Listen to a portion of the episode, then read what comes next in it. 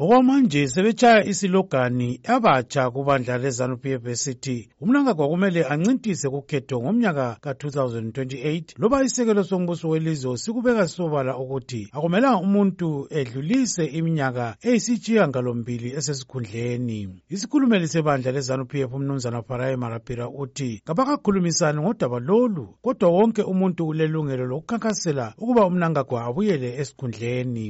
what we do as zanu is we pander to the whims of the people. If the people uh, want that change and if the people communicate that, then there will be those changes. Understand that the laws And the constitution and democracy, it's about reflecting the will of the people. If the people uh, want that, then they'll have a referendum. If they do not want that, then we are just going to continue with the constitution as it is. Ukhokhela inhlanganiso yabalwa impi yenkululeko ezipra Veterans Association, umnumzana Pastor Magwizi uthi kumele umbuso wabelwanwe hatsho ukuthi umnangagwa abuse aze agugele ehofisini ngenxa umuntu engazazama ukukhampenela for twenty twenty eight but i-twenty twenty eight yabona nxa ngakafika izinto sezizibi inasenzanga abantu bonke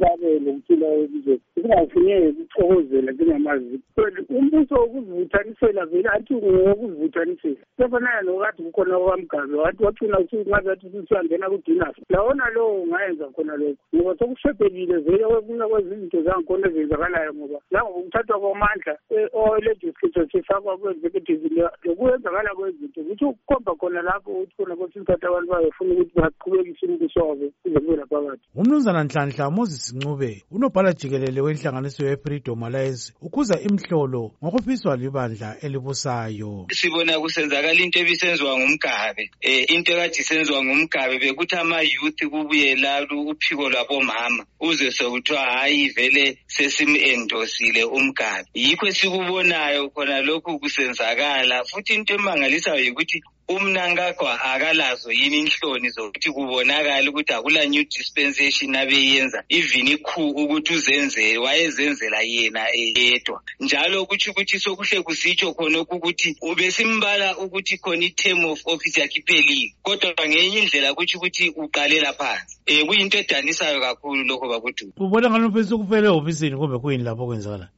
I- iye vele ufuna ukufela ehofisini sesike sakutsho ukuthi ukungalungiswa kwendaba yegugrawundi kuzakwenza izinto eziningi kakhulu eziyangisayo zisenziwa yizanu zisenziwa um ngomnankakho kutsho ukuthi ngenye indlela laye ufuna ukuphuma njengomgabe manje asazi ukuthi ngubani ozamkhipha njengomgabe ngoba yena nguye okhipha abanye njengomgabe usukhicamfundo labo momaduku ingcwedi kwezemithetho njalo okhokhela ibandla le-national constitutional assembly assembly uthi akulunganga okwenziwa libandla lezanup f this idea of a third term is totally undemocratic and ought not be pursued because there are very good reasons not just in zimbabwe but all over the world where presidential terms or in fact terms of offices are limited to two terms it will be to be very retrogressive in our country because we used to have a constitution that didn't limit the number of terms a person could serve as president baningi abathi kubi kakhulu okwenziwa libandla elibusayo loba kusekelwa ngamalunga ebandla leli